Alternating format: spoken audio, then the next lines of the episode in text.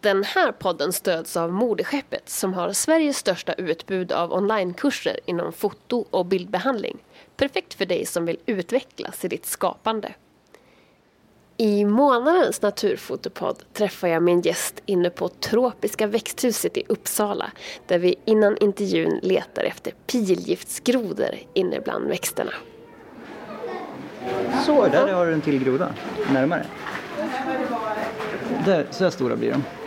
Åh, den där var häftig färg på. Ja, det är som en rödaktig och grön. Röda strimmor och gula strimmor.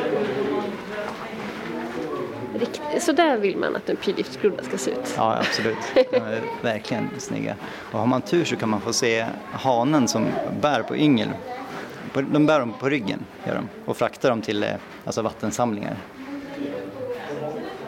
Så de är, ja, det är väldigt häftigt. Då tänkte jag någonting sånt här. Med motiv från tropikerna så sprudlar bilderna av färg, form och liv.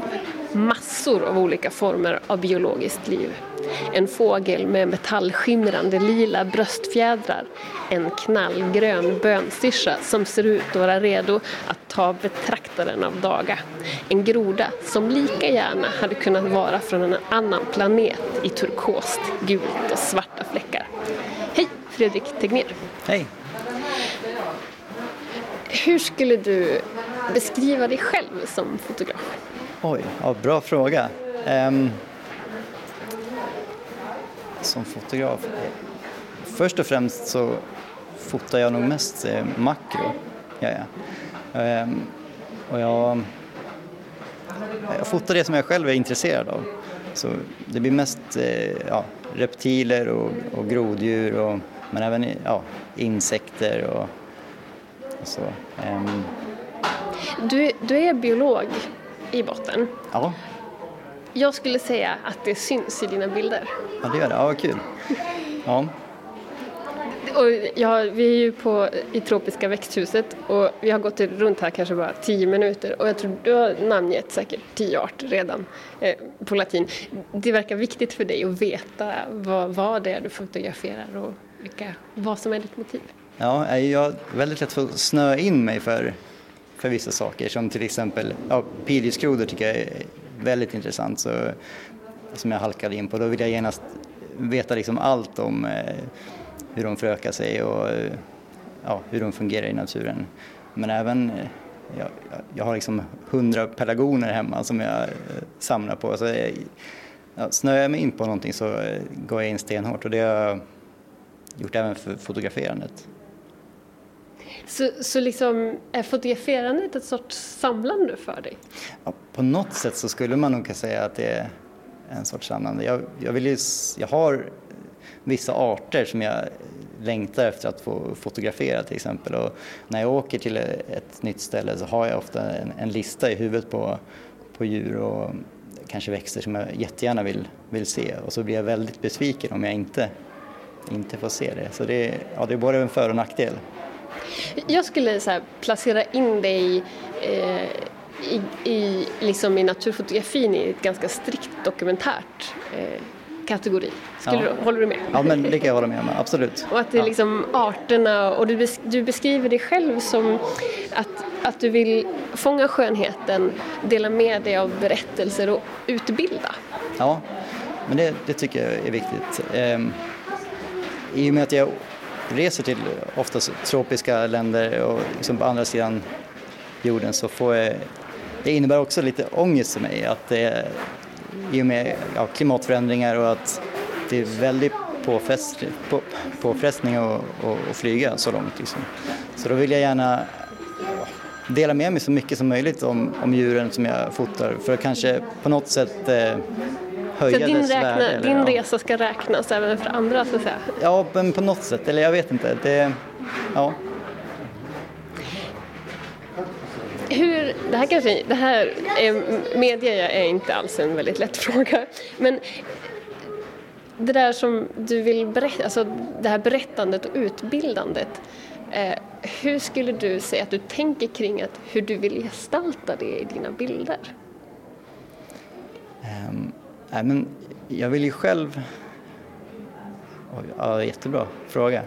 Um, Kanske omöjlig. Du måste inte ha ett komplett svar. nej, men jag vill ju själv, om jag inte vet själv vad jag har fotat eller så, så tar jag, tar jag reda på det när jag kommer hem och liksom um, researchar grodan eller in, insekten och så. Och uh, jag tror att, oj, jag vet inte vad, vad, vad var frågan? Hur du, liksom, hur du tänker kring gestaltandet för att liksom förmedla de här äh, sakerna som du vill förmedla, berättelsen och... För jag tänker att det handlar lite om det, alltså en berättelse om en art genom ett, mm. ett porträtt eller så. Ja. ja, jag vill ju förmedla mitt, ja, men mitt eget intresse som jag har, ja, men till exempel för som hos pilgrimsgrodorna, eh, sånt som många kanske inte vet sen tidigare. Um, ja. Är det liksom att du, handlar det om att söka situationer med arterna så att det händer saker eller liksom eh, hur, är det snarare i presentationen, i hur du liksom presenterar dina bilder i efterhand? Ja, jag har egentligen ingenting planerat liksom innan jag fotograferar ja, ett djur. Eh, det är oftast att jag för det, det, är så, det, är inte, det är inte så enkelt när man åker till, till tropiskt land. Man vet aldrig vad man kan få se. Nej, och, och, men till exempel i Peru, jag har spenderat ungefär ett, ett år eh, och har bott i, i regnskogen i nordöstra Peru. Och det som är så fascinerande är att exakt varje dag är unik. Ja, men man, idag kanske jag såg, eh, eller man ser en tokan, eller eh, och imorgon så ser man en eh, jättestor eh, bullet ant-myra. Och, eh, de som bit, är kända för att de biter så fruktansvärt ja, elakt. Ja, precis. Ehm, alltså, varje dag är verkligen, verkligen speciell, så man vet inte vad man, vad man träffar på. Det är också charmen med att besöka sådana extrema biodiversa ställen. Hur kommer det sig att du valde liksom, motivområdet tropikerna? Det var ju så när jag... Eh, det, det började nog säkert tidigt när jag var liten. Vi hade alltid...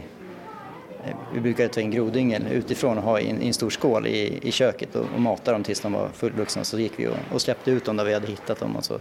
Ehm, så intresset har nog startat nog väldigt tidigt. Men just varför jag åkte till tropikerna första gången var att i mitt mastersarbete som biolog då? Som biolog så vill jag undersöka en, eh, beteendet och, och yngelvård hos en specifik pilgiftsgroda som inte var beskriven tidigare. Så det är liksom verkligen pilgiftsgrodorna som har lett dig in i den här? Ja, absolut. Eh, hur jag halkade in på det, det var jag tror att jag såg var Life in Cold Blood med Attenborough när jag var yngre och, eh, och halkade in på någon närbesläktad pilgiftsgroda. Och så kände jag att ja, men, och läste en bok och hittade att eh, det fanns grodor som det inte fanns någonting, någon information beskriven alls tidigare. Och jag ville veta mer, såklart. Berätta lite mer om, om din bakgrund som, som fotograf. Um, ja, själva fotograferandet så startade nog för ja, tio år sedan skulle jag säga. Jag fick ärva en, en systemkamera av, av pappa som jag väldigt fort eh, fotade slut på, äh, slutaren gick sönder. Och så fick jag köpa en ny kamera och sen så vart det, ja, spann vidare efter det. Eh, och jag fotade ju på mitt ja, examensprojekt för jag var tvungen att fotografera grodorna för att eh, jag ville se om de var monogama, de här små grodorna. Så jag, jag fotograferade för att se om det var samma par jag såg. Så har de, är det så att de har som olika mönster så man kan särskilja individer till och med? Ja precis, så det är som fingeravtryck. Häftigt. Det. Ja det är superhäftigt. Eh, och sen så just makrofotograferandet halkade in, alltså det är tack vare, skulle jag säga, John Halmén som du har eh, intervjuat tidigare och hans fantastiska eh, makroblogg som han delar med sig liksom om all sin utrustning och eh, så det var därför det liksom men var det då i samband med det som du bodde så länge i Peru? Eh, första gången var jag nere i, i två månader. Eh, och sen så kom jag hem och så skrev jag mitt arbete. Och när jag var klar som biolog så eh, fick jag ett jobb eller, hos eh, Mattias Klum, Uppsala-fotografen, som eh, assistent och allt i allo. Jag redigerade bilder och vi filmade och fotograferade. Och, och då ökade alltså, liksom... min, min fördom om det jobbet är att det kanske måste vara ett av de mest tuffa jobb man kan ha. Ja, det, det, var, det var extremt intensivt var det. Och han är väldigt, han är väldigt intensiv och han, är, han har sån energi så att det är svårt att, att hänga på. Och han, han valde, han ville jobba med mig eftersom jag, jag är ganska lugn när jag jobbar eller när jag fotograferar. Jag kan sitta stilla med en, en spindel i, i två timmar och vänta på den eh, liksom, bästa bilden. Men han, han springer vidare till nya motiv hela tiden och fångar. Så det, det var intensivt men det var väldigt lärorikt var det samtidigt. Men jag tänker mig också, för det tänker jag är en viktig del av det här ämnet om vi pratar liksom att fotografera i djungelmiljö. Mm. Att eh, det är en väldigt svår teknisk miljö, både rent, alltså svår miljö rent fysiskt. Det är fuktigt, det är mörkt. Eh, och att liksom på det sättet så, så blir liksom teknikval och så ganska avgörande för vilka bilder man kan ta för man, liksom, det finns rent fysiska och tekniska begränsningar. Ja precis, utan, utan blixt blir det till exempel väldigt svårt och jag har haft problem med det växer ofta svamp i objektiven eller i kamerahuset som gör att det, liksom, och det kommer in fukt och det blir im, immar igen liksom inifrån och Ja, det är väldigt mycket svårare. Man får ha med sig Zika-gel, brukar jag ha med mig, ris, som jag lägger i kameran i varje natt för att det liksom inte ska gå sönder.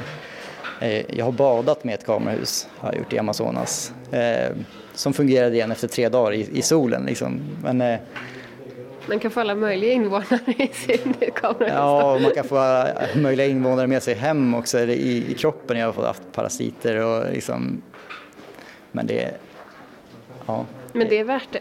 Det är absolut Såg det ut som det. att du var på väg över dina läppar. Ja, men det är det. Det tycker jag. Men vad är det som, som, som driver dig?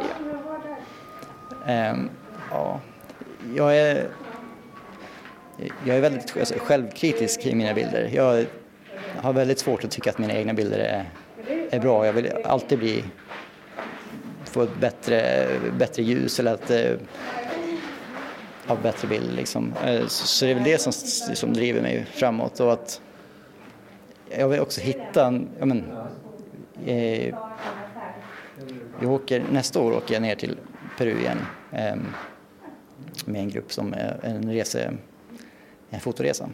Eh, och eh, då har jag liksom redan en mängd arter som jag vill se och jag har planer. Jag vill, jag vill fota en eh, speciell lövgroda i, med stjärnhimmel i bakgrunden. Och liksom...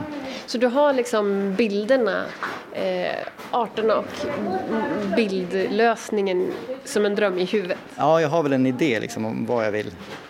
Sen så är det ju väldigt svårt att uppnå just den, den drömmen kanske men ja, jag brukar ha en idé i huvudet om men hur ser det ut på plats när du jobbar? Är du, som du, du är väldigt lugn och metodisk. Är det, är det så att du väljer en, en bra plats som skulle kunna ge utdelning för den där drömbilden och så väntar du på den i tre veckor eller?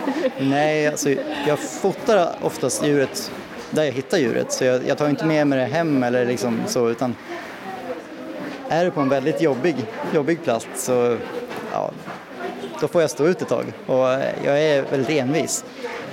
Så inte, är det fullt av myror eller liksom så, så får man stå ut ett tag tills man har fått den bra bilden.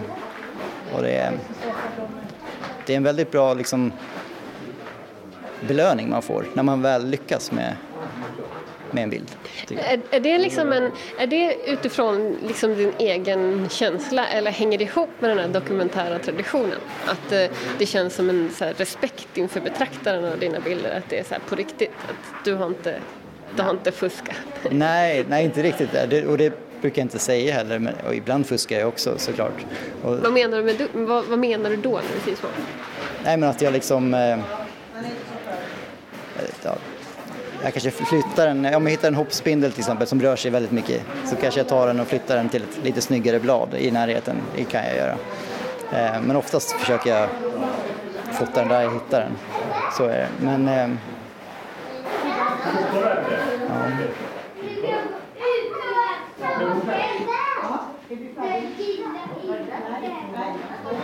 Jag inledde ju med att, att prata om det här med, med färg och form, för det är någonting som är så oerhört påtagligt med bilder från, från sådana platser som du besöker. Och ibland kan jag tänka så att med den här typen av bildområde så kan det nästan stå i vägen för liksom budskapet på ett sätt. Att det blir wow, och så stannar det lite där. Ja. Hur, hur tänker du kring det? ja, bra, bra fråga. Um, ja, jag, jag, tror att alltså, de flesta bilderna jag lägger upp är väldigt färgglada och så här, men um, ja, jag vet inte. En svår fråga. Jag, jag, jag, kanske kan ta ett exempel. Eh, för så här, jag, har en, eh, jag upptäckte ju dina bilder, eh, du gästade Fotografiskas Instagram för några ja. veckor sedan. Och då var det särskilt det var många bilder som jag fastnade för, annars hade du inte varit med i podden såklart. Ja. Men, men, men det var särskilt en bild som verkligen så eh, stack ut. Uh, och det är en bild på en groda underifrån och den är nästan, huden är så nästan helt genomskinlig så man ser liksom de inre organen, man ser grodans lungor och man ser tarmarna och jag var tvungen att slå upp en bild på Google på grodans anatomi. För jag tror till och med ja. att man ser kanske typ gallblåsan och ja, lite sånt Ja, men det gör man och, och, hjärtat och lite så. Ja, och det, och det är en sån det är en sån wow och det är mycket, den är ju väldigt så här, grön och den är väldigt den har en väldigt impact, en svart bakgrund och sådär.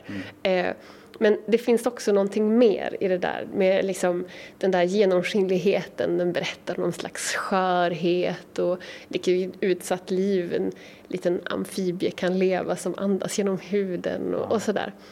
Eh, det är liksom mitt exempel kanske på hur du lyckas med det där. Ja. Att det inte stannar vid bara det finns ett pow, wow. Men sen så finns det någonting mer. Ja, men absolut. Ja, men där har du faktiskt rätt. Eh, och just just amfibier som du säger, eller glasgrodan som exempel som eh, bilden visar. Ehm, de är extremt utsatta nu i och med klimatförändringar och, och den här, det finns en svamp som sprider sig i världen som heter Chytridium dendrobatidis eh, som eh, sätter sig på deras hud och till slut så kvävs de av att de inte kan andas. Och den har tagit väldigt hårt på grodor just i ja, i Anderna och ja, Costa Rica, Panama och på lite högre ställen där den här svampens sporer flyttar sig i, ja, i regn och dimma och så till exempel. Så de är, ja, de är väldigt sköra varelser och de har lätt att, att stryka med om det är för, ja men, vad ska man säga, för förgiftning eller ja, kemikalier och sjukdomar? Eh, jag tänker, eh, som vi sa, när man åker till, jag vet liksom åker till ett tropiskt land så är det en av de så starkaste intrycken. Det är mångfalden, den är så enorm. Det är omöjligt det är omöjligt att veta vad alla arter man möter ja, har för namn. Absolut. eh, hur gör du? Nej, men det som jag nämnde tidigare, jag, jag har väldigt lätt att snöa in mig på, på arter och eh, det jag tycker om själv, det lär jag mig jätteenkelt, det sitter kvar. Men sen så har jag också eh, vänner där nere som, eh, som hjälper till och men, det är fåglar och... Lokala har, guider helt enkelt? Ja, precis. Och, eh, mer, mer än guider ska jag säga. Jag, jag känner en, en biolog där nere som heter Alfredo som är ja, han kan liksom allt. Och, det, och han är ju uppvuxen där men även han säger att han ser nya saker varje dag fast han, han bor där. Liksom. Så det, ja, det är helt fantastiskt. Det är liksom en outsinlig... det, går liksom, det kan ju aldrig ta slut. Nej, precis. Men jag tänker på det, hur, hur förhåller du dig till det? Jag tänker att en, som du var inne lite grann på också, att när du reser dit så är du på något sätt alltid en gäst. Ja.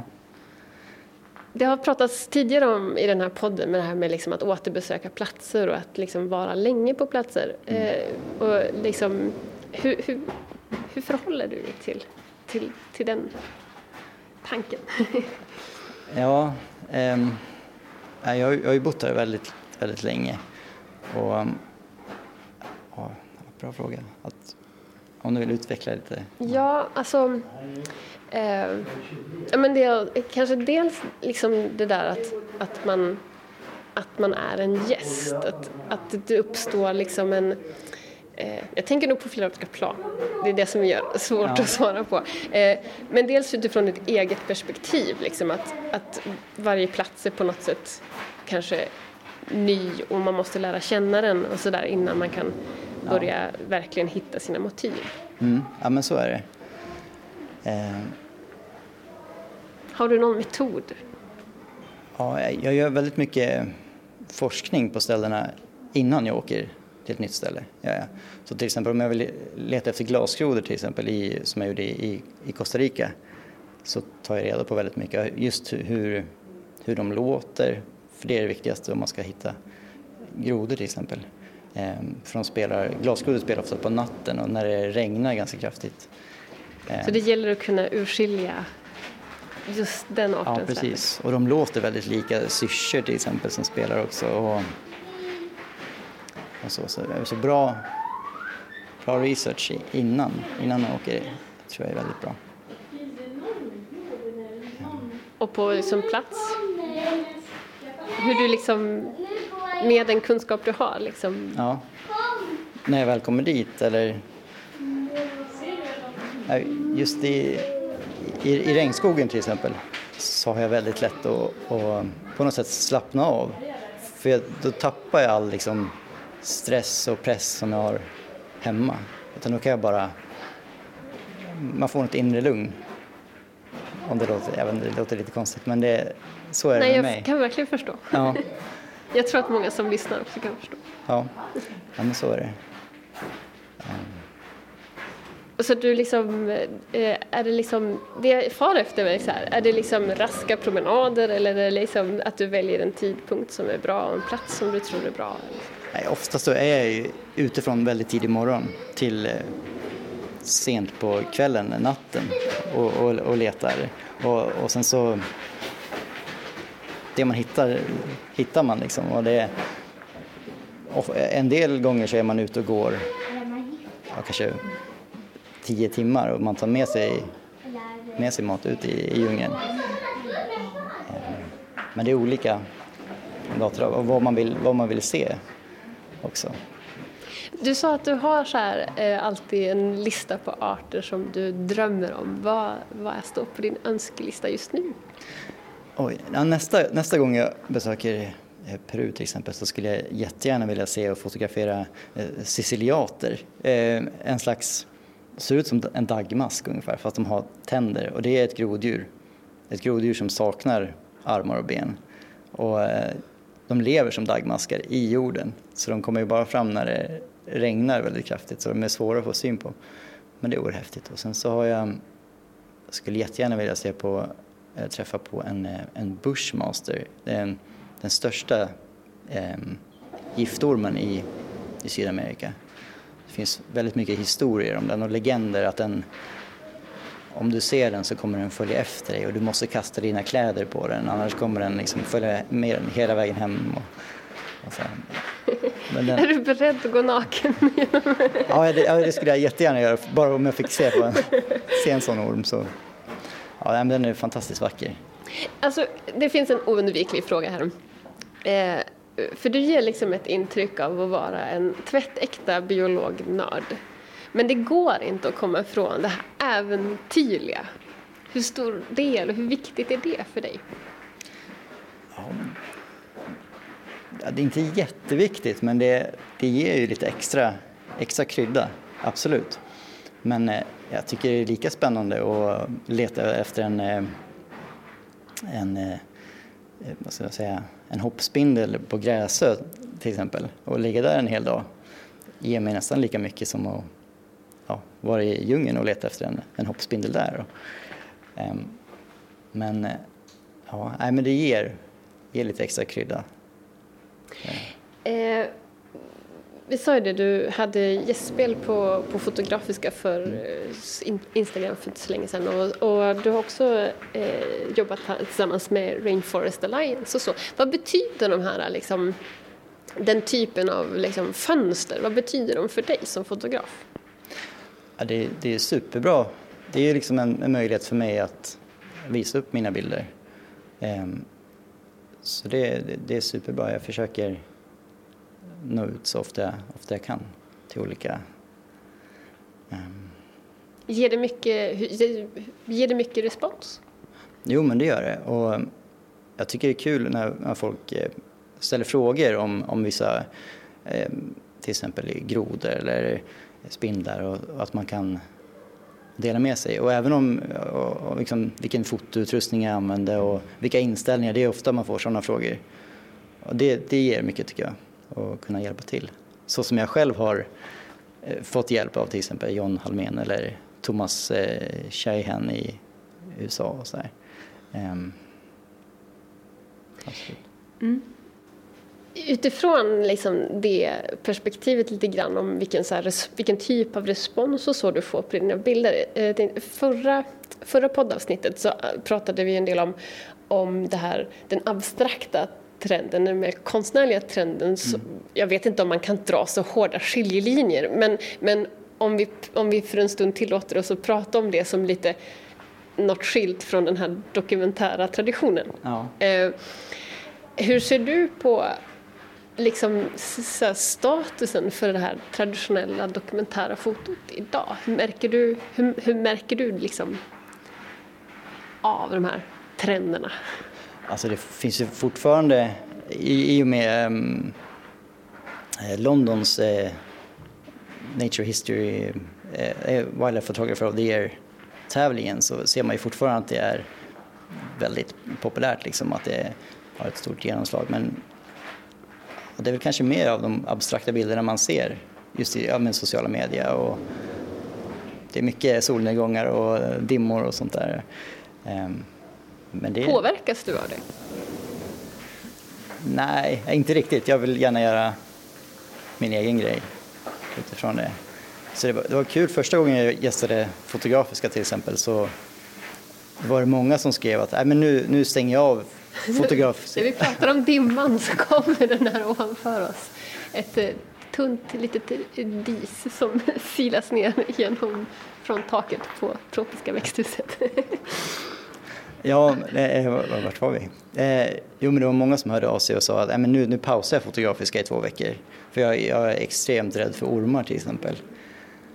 Så, men, eh, det är jätteintressant. Mm, men jag har också fått väldigt bra respons för att just många som är rädda för ormar eller spindlar hör av sig också och säger att eh, ja, tack för att, eh, för att du lägger ut mycket bilder på det, för det hjälper mig som terapi nästan. Det är jättekul. Men det, så, det tycker jag är så spännande, för det kanske också upplever jag en sån oerhört vanlig reaktion på, på, på ett sånt motivområde som du ägnar dig åt farliga djur. ja, eller precis. Usch, det där var äckligt, en, en spindel. Alltså. Men det kan vara kul att, om man lyfter att, det är liksom, att de är väldigt vackra när man kommer nära och att, det är, att de är otroligt intressanta så, så kanske man ändrar någons uppfattning om Ja, och ingen kan ju motstå en, en, en hoppspindel. Nej, precis. Det, det är faktiskt sant. Det är nästan lite grann som eh, makrovärldens motsvarighet kattungar. Ja, men det är det. Ja. Eh, jag har en sista fråga, men innan det så, så, undrar jag om det är någonting som du skulle vilja lägga till, som du tycker har liksom, som vi inte har lyckats få med? Oj, Oj bra fråga. Jag tror jag täckte det mesta. Men... det tror jag inte. Men eh, men min sista fråga, den här podden den sponsras ju av, av Moderskeppet och Moderskeppet eh, liksom, de älskar lärande. Mm. Och jag tänkte, du verkar ju vara en, en oerhört lärande person. Hur gör du? Och liksom, vart, vart liksom vänder du dig när du vill lära dig nya saker?